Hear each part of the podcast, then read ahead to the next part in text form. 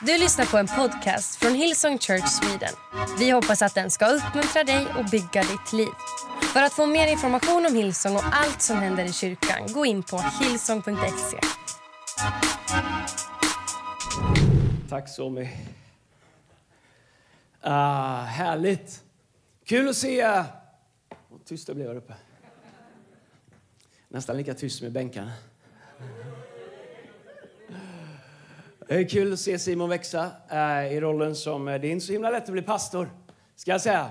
Och det är inte så lätt att börja i, eh, i en stor församling. Du vet, de flesta gör någon slags karriär och börjar som eh, ungdomspastorer i Knaggebohult och sen så får man ta ett lite större kapell och sen så strax innan pensionen så är man redo att vara pastor. Men eh, här slänger vi in dem kallt eh, i, eh, i det och eh, inte att de är helt oförberedda. Men jag älskar att se människor växa. Uh, hörni, först så vill jag säga stort tack för förra helgens team conference. Uh, verkligen säga tack. För er som var där, jag skulle vara på väg att säga hand upp om du var där. Men då kanske jag känner att då får folk fördömelse och då får jag uppförsbacke i min predikan. Så det vill jag inte göra. Men hand upp om du var där. Okej, okay, fantastiskt. Tack ska ni ha. Om du missade det så tittar vi på att paketera det, eh, vissa delar av det, så att du kanske kan catcha upp på det. Men lyssna, jag vet att det är online-tider och allting sådär. Men det finns ingenting som eh, slår att vara i rummet. Jag vet att det finns stunder när man inte kan och alltihop sådär och det är fine, men, men att vara i rummet, det var något särskilt. Eh, det var länge sedan jag var så uppmuntrad en helg och så berörd. På ett sätt kändes det som någonting helt nytt. På ett sätt kändes det som någonting som vi hade glömt bort att vi var, någonting vi hade glömt bort att vi gör. Um, och, uh, så stort tack för alla som tog sig tid att vara med. Um, för dig som anmälde dig att vara med så fick du en länk där du kunde göra ett gåvotest. Um, om du inte hade möjlighet att vara med så har vi en länk tror jag. Uh, sa de precis när jag gick upp. Men de kanske bara skämtade med mig. Nej, det här gjorde de inte. Här, om du vill göra ett test om dina andliga gåvor. Det finns 18 andliga gåvor i Bibeln. Du kan göra ett test. 108 frågor. I know. Jag såg inte hur många frågor det var, så när jag hade gjort 15-20 tänkte nu är jag klar. Och såg 108. Så hade jag en dipp där mellan typ fråga 22 och 23 fram till 96. Men jag kämpar på det. Uh, och du får ett utfall av dina gåvor. Uh, det är ingen exakt science. Och det betyder inte att det bara är det du kan göra, men det ger en ganska bra bild av hur du är sammansatt. Uh, och dina andliga gåvor är viktiga därför att Gud vill använda dem. Han har gett dig dem för att han vill använda dem. Okej, Okay så dagens predikan. I vanliga fall så har jag det barbordet. Men om du inte har listat ut att när jag har predikstolen, då är det en annan söndag. Och det är det idag. Jag har sett fram emot den här söndagen och jag har bävat lite för den här söndagen. Anledningen till att jag har sett fram emot den är att jag har längtat efter att få predika det jag ska predika om nu, eller börja predika om nu, i nästan ett år. Men jag har faktiskt inte känt release ifrån Gud och från anden och börja göra det än. Och det beror på olika saker och några av dem kommer jag tala om här. Ehm, jag tror att eh, Gud är på väg att föra oss in i någonting mycket, mycket spännande. Jag ska tala om det. Jag önskar så om du är en del av vår kyrka, vilken campus du är på, att du verkligen, verkligen är med mig idag. Eh, att du hänger med, att du kanske skriver ner. Kanske inte blir en sån, du vet ibland när vi ballar ur och vi har kul och vi skämtar om Djurgården och allt möjligt. Kan komma någonting, men, men, men jag har mycket, jag, jag tror att jag ska säga idag. Jag har så mycket anteckningar och jag begriper inte vad jag ska göra alla med dem. Så jag ska göra mitt bästa för att verkligen berätta någonting för er. Och som jag tror Gud vill säga till vår kyrka och som vi får pröva såklart. Vi börjar en serie idag som heter Formerad, planterad och aktiverad. Men redan när jag sa det så var språkpoliserna på mig. Se, i mitt huvud är saker glasklara. Tydligen så finns det någon slags grammatiskt, eller grammatiskt kan man väl säga också, fel med formerad. Rätt. och jag fattar det är bra. Vi ska vara rädda om språket. Men som vi säger, låt aldrig grammatik komma vägen för Guds ord.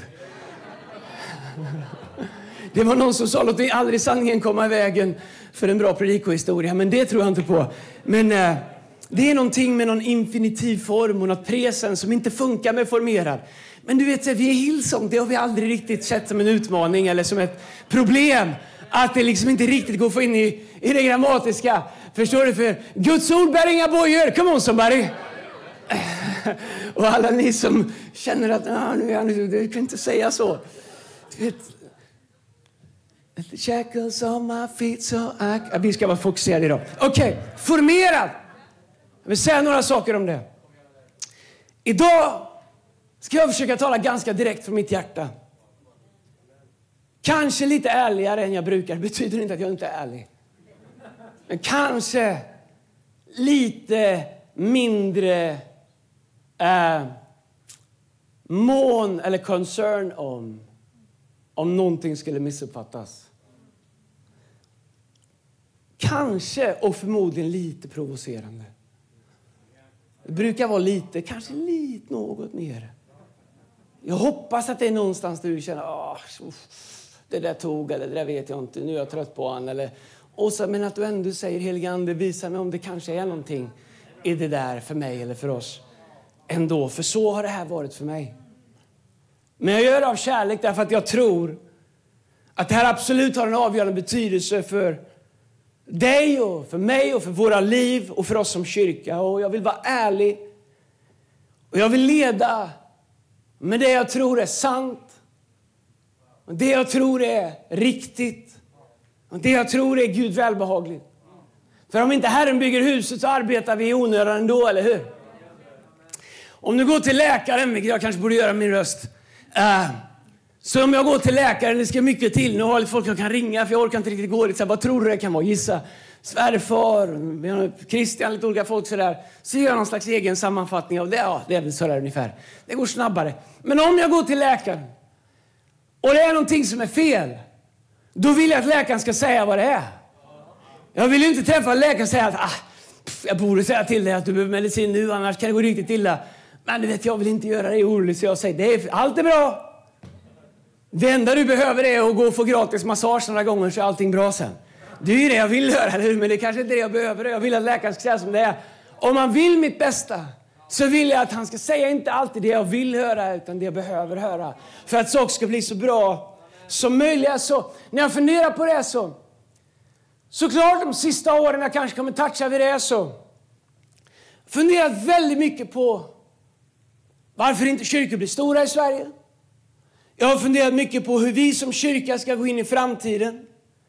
Hur ska vi förhålla oss till vårt uppdrag? Och, så att det vi gör inte bara blir en välsignelse för vår generation. vet, det kan låta löjligt, men jag menar verkligen det. När jag läser om Britta, jag kan inte säga att jag känner henne jätteväl. Men jag vet att det finns många som gör det. Jag såg det i era ansikten, i era blanka ögon och era, hur ni nickade med. Du vet, vi har ett ansvar mot det som är framför. Och vi har också ett ansvar mot det som kommer efter. Och vi kan inte göra det alltid så det blir så bra som möjligt för oss här och nu. Utan vi måste alltid leva med nästa generation i sikte och vi måste alltid leva med ansvaret från de som gick före.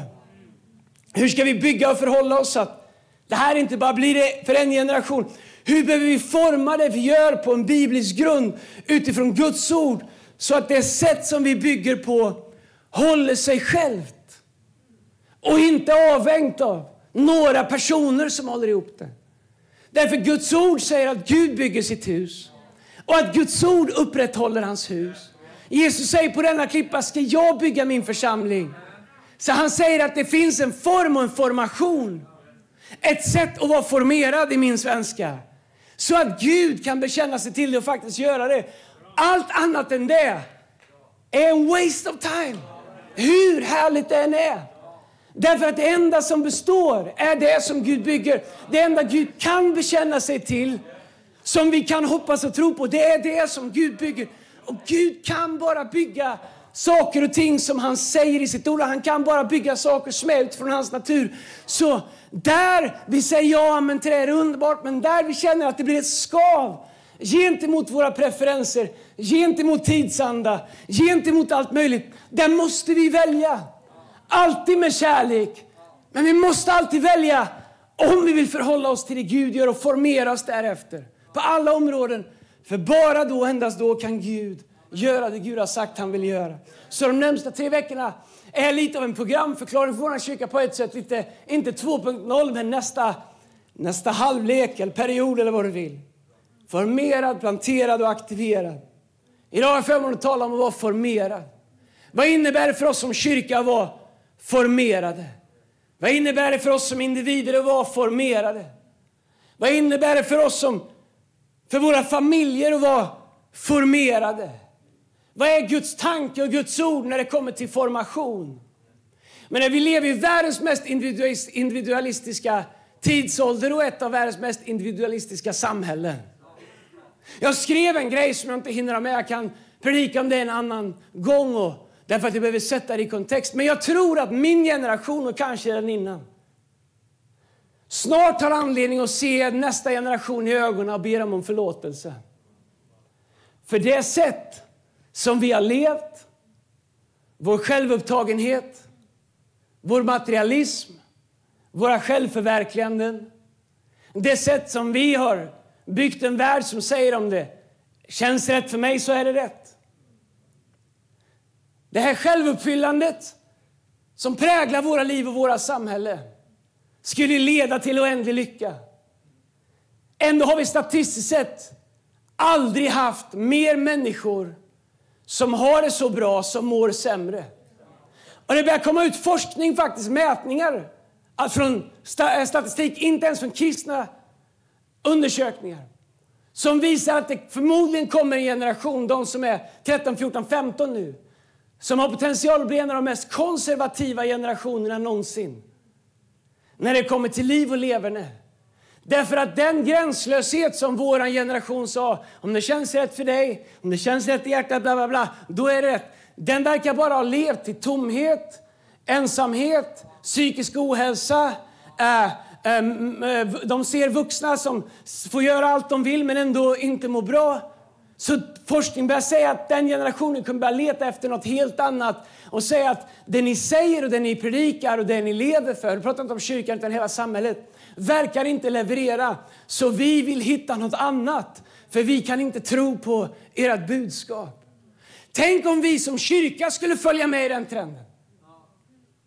Och inte hålla fast i vad Gud säger. Jag pratar inte om något specifikt område. Tänk om vi som kyrka skulle tappa vår formation. Vad ska nästa generation formas av då? Och om det är så att de formas av det vi bygger på just nu, kommer det leda till det Gud har sagt? Kommer det få dem att vilja följa våra liv och exempel i efterföljelse av Kristus? I att vara planterade i hans hus, i missionsbefallningen, i att fullborda deras lopp. Att leva ett liv där de säger nu lever inte längre jag utan Kristus lever i mig. Vad hjälper en människa om de vinner hela världen men till slut ändå förlorar sin själ? Inte bara när man dör, men redan här. Att vara formerad är avgörande. Alla är formerade på något sätt. Men jag inser ju mer... Jag har på med den här predikan i, i alla fall i ett år. Och, i, och, och nästan dagligen i sex månader. Alla är formerade på något sätt. Men väldigt få människor av oss förstår värdet av att formera oss utifrån design. Både som människor, som familj och som kyrka. Att vara formerad, vad innebär det? Det känns allvarligt här idag. Det kan det få vara en dag. Jag har ju ändå talarstolen, en riktig predikant. Ska ha en sån här stor i trä, det är min nästa grej. Riktig som inte ens går att bära bort så lovsångarna får jobba runt ordet. Istället för att man får flytta på sig lite så de kan stå här och det var bättre förr när, när scenen var en stor talarstol. Han står ute på kanterna och sjunger lite. Ordet var i centrum. Jag skojar. Fåglar har fattat formation. Och nu ser du fåglar flyger i V. Du kan se hur gässen kommer. Det kallas att de, de kommer i sträck. Så flyger de i formation. Det finns massa undersökningar och forskning. De satt elektroniska mätare på dem. Jag snöade in på det häromdagen och läste om det. Det var helt, helt sanslöst. Och se hur det är. Och man kan tänka att de gör det bara för att de ska hitta, men det finns massa olika anledningar och massa olika idéer också. Och ingen vet ju allt såklart. En av anledningarna är ju att det, det bryter en slags aerodynamisk äh, luftmotstånd. Men det finns också andra saker. Att den som flyger i, i, i spetsen tar mest stryk. Okay? Så det som händer är att de är några stycken äh, i fronten där som roterar för att de ska kunna hålla samma fart. Det som också är intressant är med vilket exakt avstånd de ligger, eh, de ligger med vingarna mot varandra. Det som också är intressant är att alla fåglarna flaxar inte likadant. Utan den här slipstreamen som uppstår gör att beroende på vart i formationen du är så måste du anpassa ditt flaxande till dem du flyger bredvid. Och det finns en, säger de, en enorm timing som inte ens går att räkna ut och mäta. Och forskare, eller vet, så här, ingenjörer som bygger flygplan försöker förstå hur den här funkar. Därför att det är, det är ju gudomligt såklart. Därför att eh, eh på millisekunder så kan en fågel utifrån luftflöde och hur den fågeln fram, framför dem flaxar anpassa sina, sina flaxande till att hela formationen ska få maximal effekt. Faktum är också att det finns formationer där de som är lite svagare flyg, får, får flyga i, liksom mitt i formationen. För där går det åt minst energi för att hålla samma fart som resten av gruppen. Så det finns en idé om att alla ska följa med. Alla ska kunna resa i samma takt oavsett energi, styrka eller vart man är, om man är en äldre fågel eller om man är något annat. Så de drar nytta av varandras vingslag. Men också är formationen avgörande för att små fåglar ska vara avskräckande för stora rovfåglar. Det gör att stora rovfåglar inte vågar anfalla dem därför att istället för att flyga själva, där de är ett enkelt byte för en rovfågel, så flyger de nu i formation, vegetation vilket gör att rovfåglar inte vågar attackera dem. Mycket smart. Flygplan flyger i formation. Come on om du har sett Top Gun, äh, älskar Top Gun. Jag var imponerad över tvåan ändå. Får säga att han är rätt frä, eh, fräsch Tom Cruise för sin ålder. Jag är lite fördömd när han tar sig tröjan och börjar spela volleyboll i 55 års ålder, eller 58 vad han är. Det var det. Han har också 10 pers anställda hört som bara jobbar med hans fysik. Det kan han gott ha. Himmel och jord ska förgås, men Guds ord ska alltid bestå. Jag ska få en ny kropp som inte åldras en dag. Jag, jag går all in på den. Men anledningen att man flyger i formation, det är att man sparar bränsle.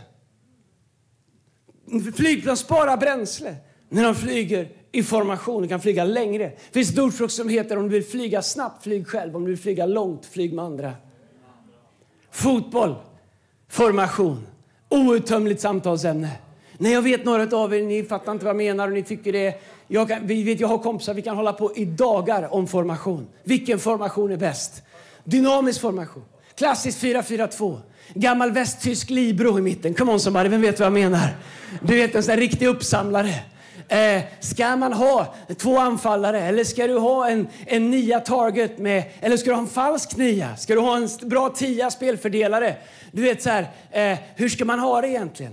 Och, och, det som är intressant när jag studerade det här för ett tag sedan om formation och uppställningar, det här är för er i Göteborg. Jag vill ändå ta med lite grann. Jag vill också säga till Malmö, vi kan spela alla formationer. Det spelar ingen roll. Vilken, vilken formation vi än hamnar i så vinner vi. Come on somebody. Lyssna här om fotboll och formation. IFK Göteborg och Svennis som behöver ett helande.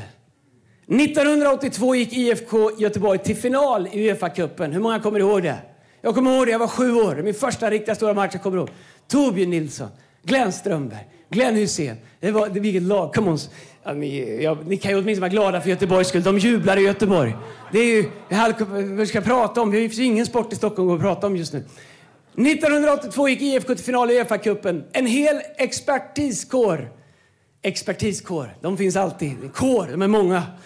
Det är saker i Bibeln som säger vi är många är aldrig bra. Men en hel expertiskår spådde att Hamburg skulle krossa IFK. Hamburg var man för man totalt överlägsna IFK. Man jämförde IFK med Malmö FF som tre år tidigare förlorat Europacupfinalen där eh, Jutons pressspel kapades längs fotknölarna och ansågs vara gravkammarfotboll. Vi har rest oss raskan sedan dess. IFK spelade med en hög press, rak fyrbackslinje och zonmarkering. Kan vara alla som känner att nu är det verkligen bättre än någonsin kan få ett amen. Och detta ställdes mot det tyska klassiska man-man-spelet med Libro. IFK krossade Hamburg med ett spel som var allt annat eh, än, än att liknas vid en gravkammare. IFK och Svennis spelsystem var framgångsrikt i över ett decennium trots massor av spelarbyten levde systemet vidare. Nej, IFK var underlägsna spelare för spelare. Men det sätt som Svennis formerade IFK Göteborg gjorde att ett lag som spelare för spelare var sämre kunde krossa ett lag som spelare för spelare var bättre. Varför? Därför att deras formation var bättre. De spelare gick, istället för att spela man-man så började de spela zonförsvar med press. Come on somebody. Det, här är jag vill ha på en keyboard snart. Det är underbart. Jag kan fastna i resten av mötet men det ska jag inte göra. Men vet du, de kunde också byta spelare de närmsta tio åren och fortsätta att vinna. Därför att kraften var inte som i det tyska individualistiska man-man-spelet med en libero där det hängde på kvaliteten av varje enskild spelare. Utan kraften var i formationen som Svennis hade vidareutvecklat och designat så de kunde fortsätta vara framgångsrika när Glenn Hysén blev proffs, när Glenn Strömberg gick vidare, när de gick till Benfica och andra ställen. Och så är det också med Guds församling. Så är det också med Guds hus. En armé. Jag vet inte om du har sett filmer. Jag är på väg till predikan och jag är på väg till ett bibelord och undrar om det kommer något. Det gör det. Jag har redan citerat några stycken om den som har öronen hör. En armé, jag vet inte du sett filmen där, hur det var förr. Civil War och andra. När man liksom eh, jag fastnade på någonting igår, jag gjorde research och såg slaget i Lützen och eh, stökigt slag på många sätt. Eh, sju, över 7000 människor dog på sex timmar. Eh, när de ställde upp, eh, man tror att eh, tyskarna var ungefär 6000 och eh, svenskarna, då där nere, var det, Karl II Adolf, eh, var 17 18 000. Så ställer de upp mot varandra och så bara merchar de. Oh, en dog och så nästa. Så bara, och, och, och jag har sett filmer hur de bara traskar mot varandra. Det är liksom last man standing. Tills någon kom på, alltså det här är inte effektivt. Någon kom på, vi kanske skulle ha formation. När det som är intressant med formation är vikingarna. Det borde ju flyga här hemma i alla fall. Nej, jag vet att det finns delar av vikingarnas liv och levande och hur de skaffade sin, sitt rikedom är djupt problematiskt. Ni behöver inte skicka mejl till mig och upplysa mig. Jag är tillräckligt woke för att fatta att det var inte rätt att plundra och, och, och, och, och, och våldta och döda som de gjorde. Jag fattar det. Ja, inte bra. Jag är inte med på någonting utav det. Men en sak som man ändå kan se om man tittar på hur de gjorde det var att de hade man tror sex eller sju olika formationer vilket gjorde att de var militärtekniskt helt överlägsna motståndare som var många fler, även upp till liksom att vikingarna var en på tio. De hade inövade fasta formationer med sköldformering, äh, med, med spetsformering i sköldar som gjorde att de slogs på ett sätt där de var ogenomträngliga och hade stora eh, framgångar i sina slag på grund av sin överlägsna formation. De hade formationer när de blev anfallna i byar där de var, där de skyddade eh, kvinnor och barn och, och, svaga och sjuka i mitten av formationen med de starkaste längst ut med sköldar där de kunde skydda dem på olika sätt. Och faktum är att i alla tider i arméer i formation så är hela idén med en bra militärisk formation att ha de svagaste, de sköra, de sårade, de som inte kan slåss för sig själva i centrum av formationen och de starkaste allra längst ut. Det ganska tvärtom i hur samhället är, eller hur? De starkaste i centrum och de svaga och sårade och sargade längst ute i marginalen. Tänk om vi missar hur det ska vara i Guds hus. Tänk om det finns någonting i vår formation där. När livet går sönder, när man är svag, när det brister, vilket det kommer göra för alla. Du säger aldrig för mig. Wow. för det första så kommer det högmodet göra mer skada för dig än vad du tror. När vi brister, när vi kämpar, när vi tvivlar, när saker händer oss. Bibeln säger i den här världen, Jesus, i den här världen kommer ni få lida. Men take heart, I have overcome the world. Är, är vår församling är en plats där det finns gott om plats för de som just nu behöver någon som fightas för dem. Så att de kan läka, så att de kan hela, så att de kan få skydd. Är, finns det plats för dem i centrum av vår formation? Därför att de starka, de som är, är liksom krigsdugliga. Alltså, Andreas pratar mycket krig och hela Bibeln handlar om krig. Vi kommer till det. För att de har förstått värdet av att ha sin plats i formation. för att skydda det som behöver helas och upprättas. Vi kan titta på det när det kommer till hur livet går sönder. Vi kan titta på det när det kommer till de som är nya i tron. Vi kan titta på det det kommer till vad är meningen med en connect-grupp? Meningen med en connect-grupp är att det är en formation. Där oavsett vilken säsong i livet vi är så är vi en formation där vi kan växa, hela, läkas, upptäcka purpose i gemenskap med andra. När fiendens individualistiska plan som han har iscensatt i världen, det är den bästa planen någonsin mot allting som Gud har tänkt att våra liv, våra familjer och våra församlingar ska vara. Istället för att vara en formation som rör sig tillsammans med en insikt och uppenbarelse om värdet av den jag står bredvid och min roll i formationen så har det, blivit, och även i kyrkan ibland, självförverkligande. Vad får jag ut av det? Gillar jag det? Gillar jag inte det? Du vet, om vi blir anfallna och vi behöver gå i formation om jag hade varit med i Vikingarna. Jag struntar i vad jag tycker om han som står bredvid mig så länge han håller upp sin sköld så inte pilarna kommer igenom.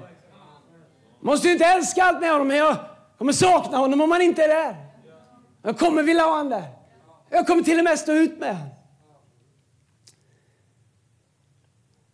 Första Mosebok 4, vers 8 så säger Kain efter att han har dödat Abel och Gud frågar vad som vad, vad har hänt.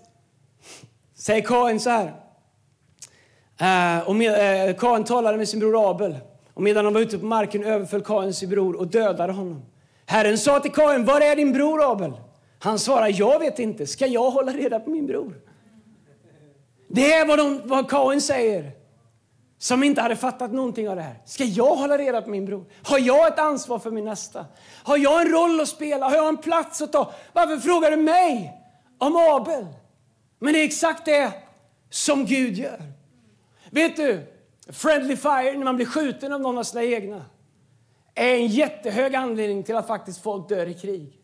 Och en av de största anledningarna till friendly fire, att människor dör av det, är frånvaro av formation som ska skydda varandra istället för att skjuta på sina egna. Jag har i eh, två år verkligen frågat Gud. Från och kommer från, vår kyrka har funnits drygt 17 år. Från 13 år av en glasklar formation inifrån vi startade. Till två år av en pandemi, mer eller mindre lite mikromöten, där vi inte kunde fysiskt formera oss. Det fanns ingen beredskap för att försöka formera en församling som inte kan ses. Till två år som följde pandemin med de utmaningar vi har haft uh, i Hillsong kopplat till att pastor Brian inte är pastor längre kan se det lite som fåglar som flyger äh, med någon som drar i mitten. Också i, i en tid där teologi görs om, och dekonstruktion. Och det är liksom som the perfect storm på många sätt. Jag har två år frågat Gud, Gud vad är nästa steg, vad är nästa formation? Hur vill du formera oss? Vi har samma uppdrag, vi har samma kall. Saker förändras runt om i världen på alla möjliga sätt. Och det finns som press på kyrkan och på församlingen, överallt, inte bara hos oss. Att på något sätt hitta ett sätt som kan samarbeta med hur människor i övrigt i världen formerar sig. Och hur jag än letar efter det så hittar jag ingenstans i Bibeln där det finns ett sätt vi kan göra det. Utan allt jag ser i Bibeln är att Gud vill formera oss. Och att vi ska anpassa oss efter Guds formation. Även om det ibland går stick i stäv med vad som mest passar oss eller vad som är enklast att förklara eller vad man får cred för eller olika saker. Därför att det finns en gameplan i Bibeln. Och i den här säsongen, jag kan erkänna att de sista två åren har varit väldigt, väldigt spännande på många sätt. Men det har också varit väldigt, väldigt svårt. Det har varit två tuffa år. Det har varit två oklara år och genast glasklart. Vi har Bibeln att predika, vi har Jesus att upphöja, vi har fullt upp och göra, vi har människor att vinna. Men jag tror att Gud har kallat oss till någonting. Och jag tror att vi bygger någonting där vi upplever att Gud har gett oss ett tilltal att vi bygger en kyrka som förvandlar en nation. Och då krävs ju någon form av formation. Jag har fått så mycket råd. Bra råd. Så mycket, jag pratar med så många människor som tycker det är glasklart. Vi ska göra så här. Och tänkte okej, okay, tänk vad ni kan mycket och jag kan lite. Och så började jag skissa och så bara, nej gud det är inte det. Verkar logiskt. Men jag får ingen tro. Jag, jag, jag, kan inte känna att det är Gud. Nej, jag tror att en kan göra på ett sätt, andra på ett sätt. Världen är full av briljanta administratörer, briljanta organisatörer. Människor som jobbar med strukturer. Det finns så mycket vi kan lära av det. Och hur vi är bättre organiserade, bättre strukturerade. Och har du varit med på samma camp och sett när vi strukturerar så tänker jag det finns lite att jobba på. Ja, det gör det. Praise the Lord. Men det spelar ingen roll om jag tar hit alla managementkonsulter i världen med varsin idé om hur saker och ting ska organiseras. och om inte saker i grund och botten har hittat sin formation i vad Guds ord säger att en församling är, så spelar det ingen roll vart vi drar streck och linjer och gör rutor och skapar flöden. En struktur när vi behöver struktur, vi behöver legal struktur, legal struktur vi behöver allt det. Jag, jag förminskar inte det, men vad gör? Han har tänkt den här tanken, det kommer inte ske. Jag eh, står emot dig Jesu namn. Om jag skulle dö idag, det har jag tänkt att göra. Eh, jag har mycket kvar, så ni får stå ut med det ett tag till. Vad skulle hålla ihop vår kyrka? Därför att det är ett fattigdomstecken om vår kyrka bara kan hållas ihop av några personer som håller ihop den. När Guds tanke är att kroppen ska hållas ihop av formation.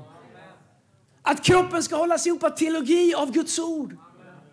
Att den ska formas på ett sätt nu så att när vi är long gone så håller formationen fortfarande ihop därför att det har vuxit upp en generation i formationen som kan fortsätta i den. Det vore en waste att göra allt det här under min livstid och få se att det dör när jag dör. Vilket är det vanliga i Sverige, om man får säga som det är. Men jag vägrar att tro att det ska vara för vår kyrka. Jag vägrar att tro att det bästa vi kommer se kommer vara under min livstid. Men jag tror att det är omöjligt att leda oss in i framtiden om vi inte förstår värdet av formation. Oh, jag ska komma till min predikan strax. Vet du, jag har hållit på med det här så mycket.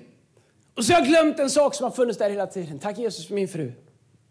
Och igår så påminner hon mig. Jag slet och slet och slet med det här. Vad kan jag säga, vad ska jag inte säga, hur ska jag göra, bla bla bla.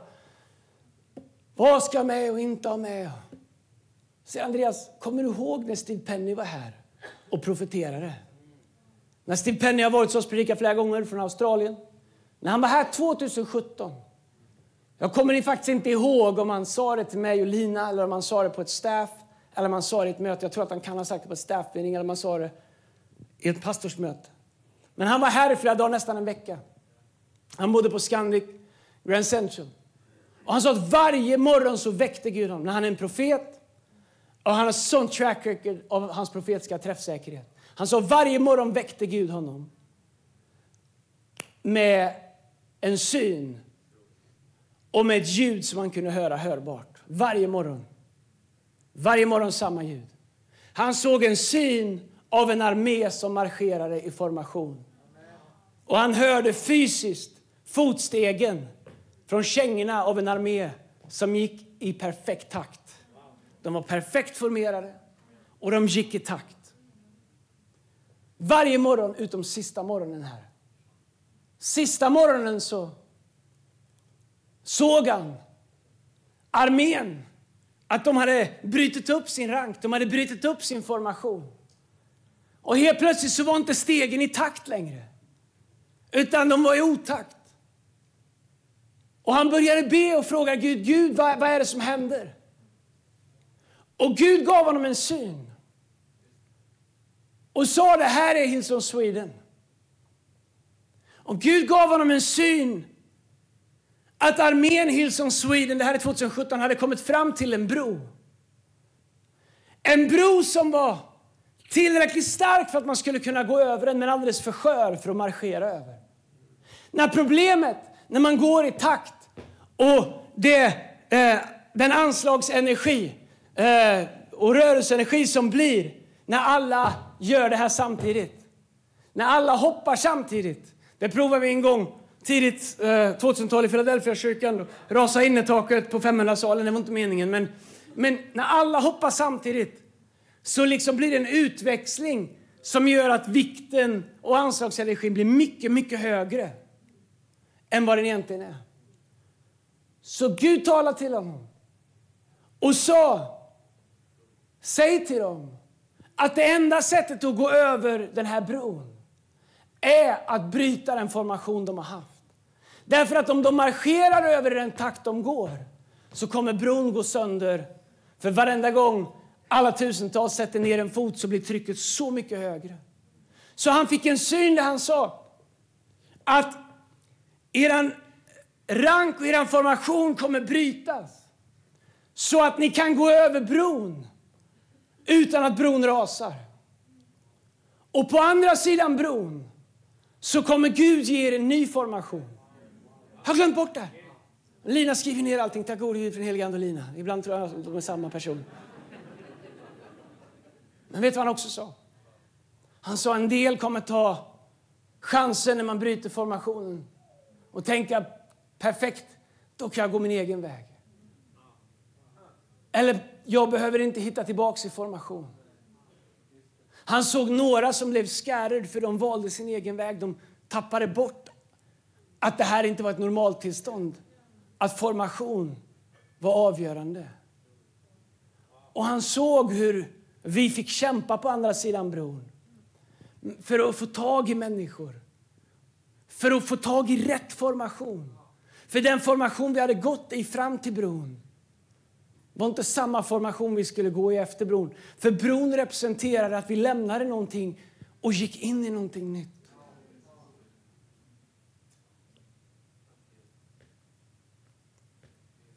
Men kanske är det bara det jag sitter. Och kanske är det bara det jag har brottats med de sista åren. Som gör att det här är så otroligt spot on.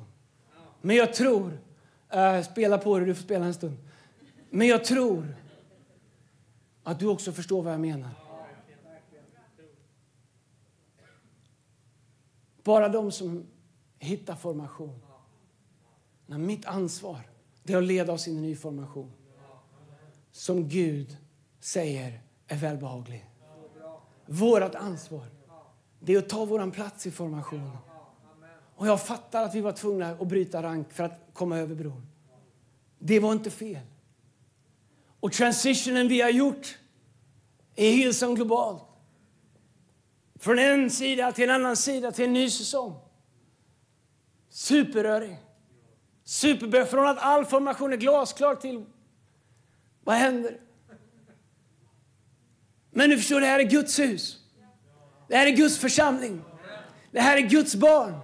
Det här är Guds armé. Och det här är någonting som Gud kommer säga att han bygger och kommer hålla sin hand över. Och det ger mig en enorm eh, tro på framtiden. Jag tror att för att kunna växa. Och får jag bara säga, får jag bara säga att jag tror av hela mitt hjärta att de sista två åren har varit avgörande.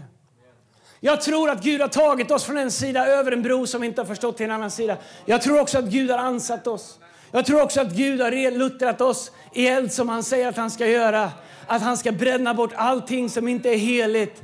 Jag, jag vill det. Bibeln, jag tror att Gud har kapat lite döda grenar. I Johannes 15 så står det att varje gren i mig som inte bär frukt skär jag bort. Och det fantastiska med det, det är att Gud har bara två sätt som han hanterar träd. Antingen så kapar han det vid roten för det är färdigt. Eller så ansar han trä, äh, grenar och det gör ont.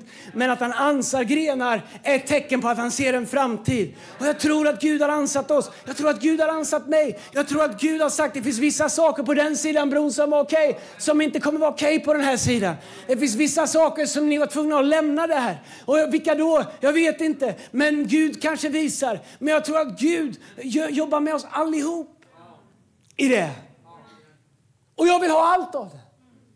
Varenda liten del. Därför att jag tror att formation är avgörande. För att vi ska kunna växa som kyrka och nå fler människor.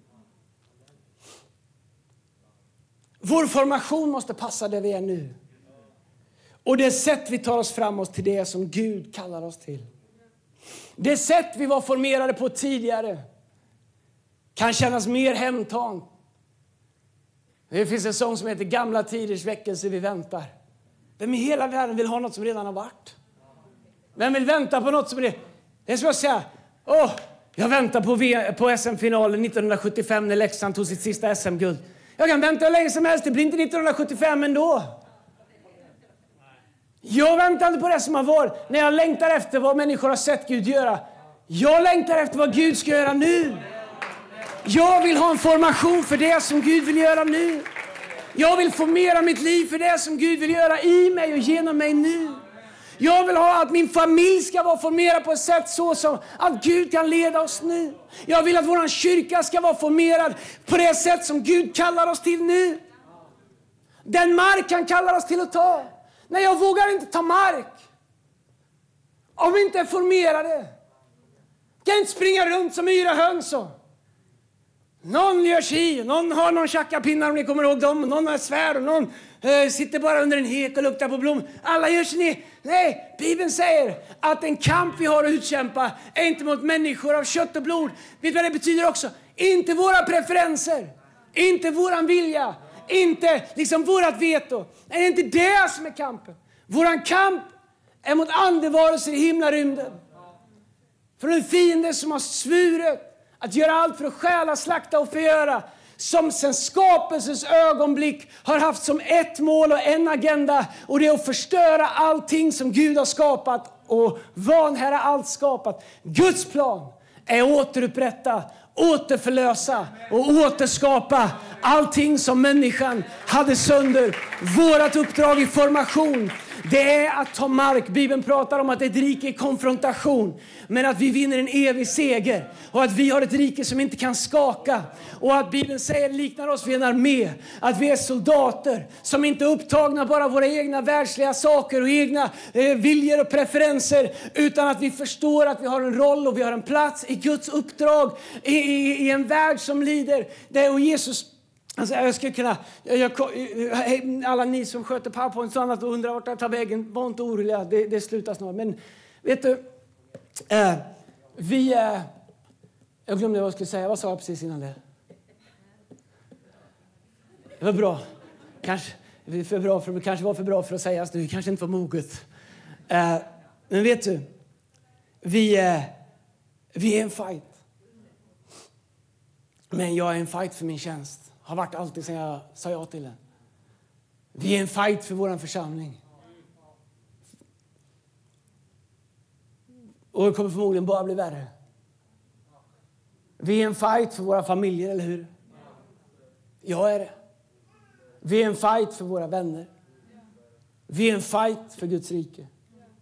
Om du inte förstår det, om du är ny i tron, kanske hälsar på, vad, vad babblar de? Jag struntar jag kom bara, det löser sig. Fokusera inte på det. Men om du är en kristen efterföljare till Jesus och har glömt bort att du faktiskt är en fight. Och du säger, men jag känner inte att jag vill vara en fight. Nej, men du förstår, din fiende, han undrar inte om du vill det eller inte. Han, har, han går full on attack i varje ögonblick. Han går omkring som ett rytande lejon och letar efter vem han får, inte vem han kan. Han kan bara ta det han får. Och om vi ska leva liv och ha ett uppdrag här som kyrka, där vi ska bygga kyrka som förvandlar nation och lalla runt och låtsas liksom att vi inte är en fight, då skulle jag lura er. Djävulen hatar dig. Han hatar mig, han hatar min familj, han hatar vårt hus. Han hatar när vi lovsjunger Gud. Han hatar när vi hjälper människor socialt. Han hatar när vi klär dem nakna, mättar dem hungriga. När vi sätter människor fria från onda andar. Han hatar när vi upprättar människor. Han hatar när Guds ord proklameras. Han hatar när Guds rike stadsfäst. Han hatar när vi tar mark för Guds rike. Han fightas på allt han kan. Tro mig, han har skjutit med alla kanoner han har de sista åren mot oss. Därför att han vet att om vi kommer över vissa trösklar förlorar så kommer han förlora så mycket mark. Tack gode Gud att vi är fortfarande här.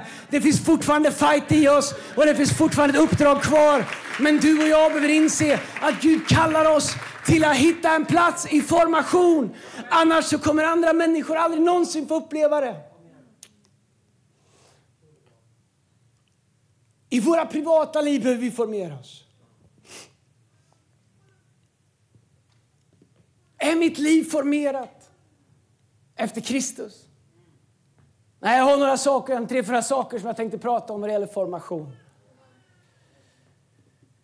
Urr.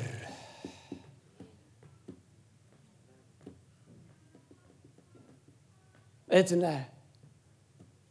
Jag har, läst, jag har sträckläst ganska snabbt Paulus alla brev. Sorry, hoppas det här är okej. Okay. Det är lite så family talk idag. Jag läste igenom alla Paulus brev här i början på året ganska snabbt. För då, ibland när man läser det snabbt så kan man se röda trådar och man kan se tema. Allt Paulus pratar om är formation. Om någon av er, när ni gör det här, när ni gör det, allt Paulus pratar om är formation. Alla Guds löften i Nya Testamentet är kopplade till formation. Paulus säger därför böjer jag mina knän inför allt vad Fader heter. Formation. Filipperbrevet om Jesus han räknar inte sin tillvaro som segerbyte utan han utgav och offrade sig själv och kom ner hit och blev allas tjänare. Vad gjorde han? Han formerade om sin tillvaro. Formation. När Paulus skriver breven till kyrkan, till Efesus, Korint, romarna, överallt så skriver han till kyrkorna om hur de ska formera sig. Hur man ska uppträda, hur viktig varje del är, vad ett kristet liv är och inte är. Varför? Därför att han förstår kraften i formation kopplat till vår överlevnad och vårt uppdrag. Ibland kan jag tänka i vår klipp och klistra tid som vi lever i så finns det en risk att vi kan be hur mycket som helst och deklarera hur mycket som helst. Men om vi inte förstår gudomlig formation så kommer vi aldrig klara det. Jag vet, jag vet inte hur man är en tillräckligt bra man. Jag skulle nog säga att Lina tycker att jag gör okej. Okay. Jag tycker inte jag gör det. Jag tycker aldrig jag når upp till det jag skulle vilja. Jag tycker inte att jag leder vår familj tillräckligt bra. Jag har två döttrar, jag har gjort mitt bästa för att leda dem. Jag har ofta tyckt att jag är otillräcklig. Ofta tyckt att, men, jag borde få till det bättre. Men vet du vad jag upptäckt? Att det faktum att jag har bestämt mig för att sätta min familj i formation, som familj men också i Guds hus, så är jag omgiven av människor som gör i deras liv det jag inte känner att jag räcker till med. Det är de sakerna jag ska predika om. handlar om vad vi gör med våra familjer och Guds hus och formation. Jag inser att jag är inte tillräcklig för att uppfostra mina barn till det Gud har skapat dem till.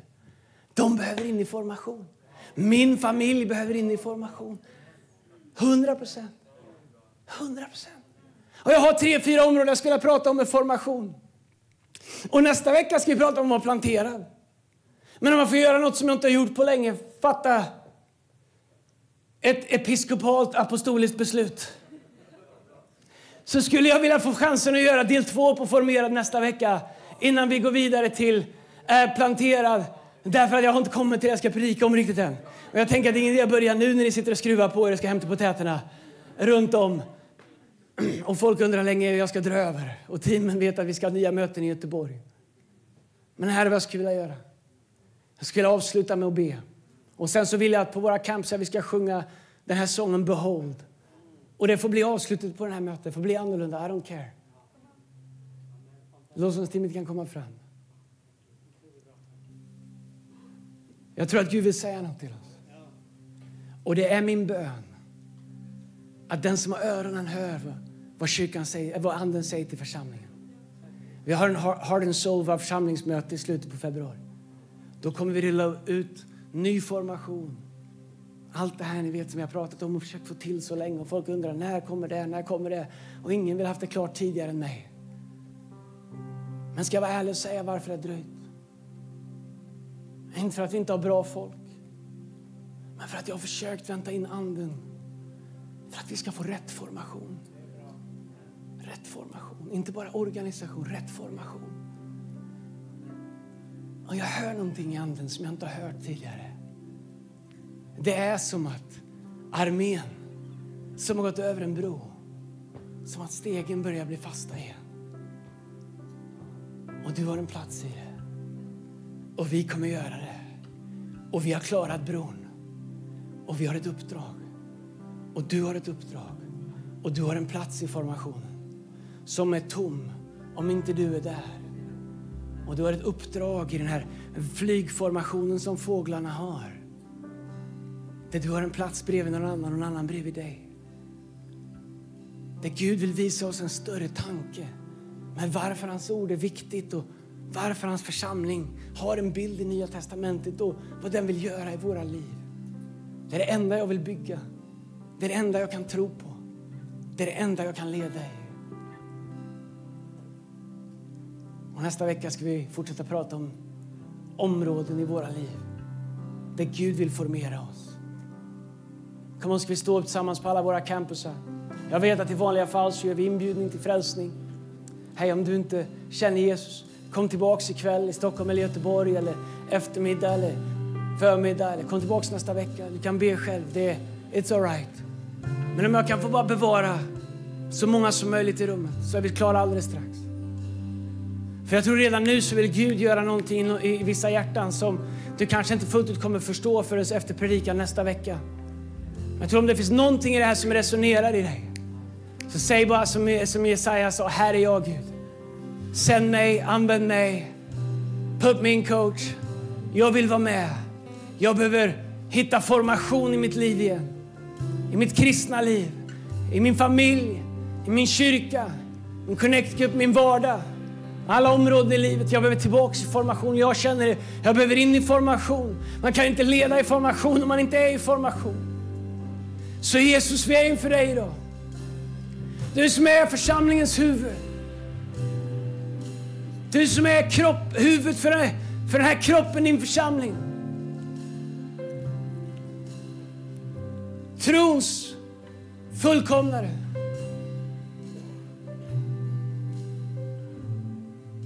Herre, vi böjer våra hjärtan inför dig. Herre, vi böjer våra hjärtan inför ditt ord. Herre, vi böjer våra hjärtan inför din vilja, Herre. Herre, jag ber för vår kyrka att vi skulle få en uppenbarelse om din formation som är enligt dina instruktioner och din vilja som är dig välbehaglig så att du kan pour out your spirit över allt kött, Herre. Gud, vi behöver, ett, vi behöver en andeutgjutelse. Gud, vi behöver ett move of God. Gud, vi behöver väckelse. Gud, vi behöver nytt regn på torr mark runt om. Vi behöver dig mer än vi någonsin har behövt dig. Så Gud, formera våra hjärtan inför dig. Herre, riv ner våra avgudaltare som vi bygger, Herre. Herre, riv ner det som är mänskligt, riv ner det som är människoverk. Riv ner det som är populärt, Herre, riv ner det som vi gör utav press från andra. Herre, låt oss bygga det som är sant, det som är rent, det som är upphöjt, det som behagar dig. Det du Jesus gav ditt liv för, för att återlösa. Herre, jag ber för Hillsong Sweden. Herre, led oss in i våra nya formation. Herre, visa oss på nytt din formation för den säsong vi är i, Herre. Herre, lägg på nytt nya uppdrag, nya visioner utifrån ny formation. Herre, jag ber att du skulle väcka människor med syner, med drömmar, med uppenbarelser. Herre, jag ber att du skulle tala som du talade till Samuel när du kallade på honom. Herre, jag ber att du skulle tala i syner som när Petrus fick en syn, Herre. Herre, jag ber att du skulle tala i syner, i drömmar, i uppenbarelser som du har profeterat genom profeten Joel. Så som Petrus sagt att det ska ske vid den tiden att du ska utgjuta din ande över allt kött, Herre. Herre, jag ber att det skulle ske i vårt hus, Herre. En restoration, en reformation, Herre. Av det som är ditt ord och din vilja. Herre, i våra liv, Herre. Och den frihet som det är att hitta sin plats. Och det skydd det erbjuder dem som behöver läka. Här att människor som har vapen och sköldar som är gjorda för att gå ytterst som har stoppat ner sina svärd och ställt undan sina sköldar. Här att din ande skulle göra som den gjorde med Jeremia. När Jeremia sa, jag talar inte mer, jag är klar, jag är tyst. Men när han säger, it was like fire shut up in my bones and I had to speak. Herre, jag ber att samma eld som sköt upp i Jeremias ben, som återaktiverar honom i sin tjänst. Herre, att den elden skulle skjuta in i våra ben, Herre. Vi som har stoppat ner våra svärd och ställt undan våra sköldar och att vi skulle hitta vår plats igen. Oavsett, Herre. Herre, jag ber att du skulle göra det. Herre, jag ber om en formation som är centrerad kring Guds lamm. Där vi böjer våra knän för lammet och inget annat. Där vår vilja att behaga Guds lamm är det enda som formerar oss.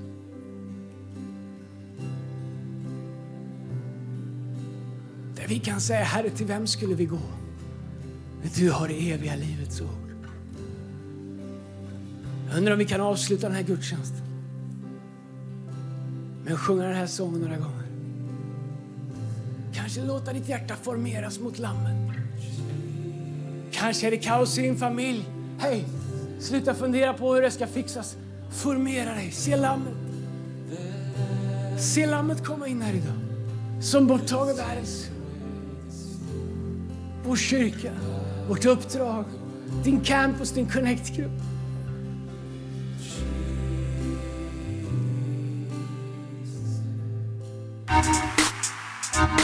Du har lyssnat till en podcast från Hillsong Church Sweden. Om du vill veta mer om vår kyrka eller om våra söndagsmöten surfa in på hillsong.se.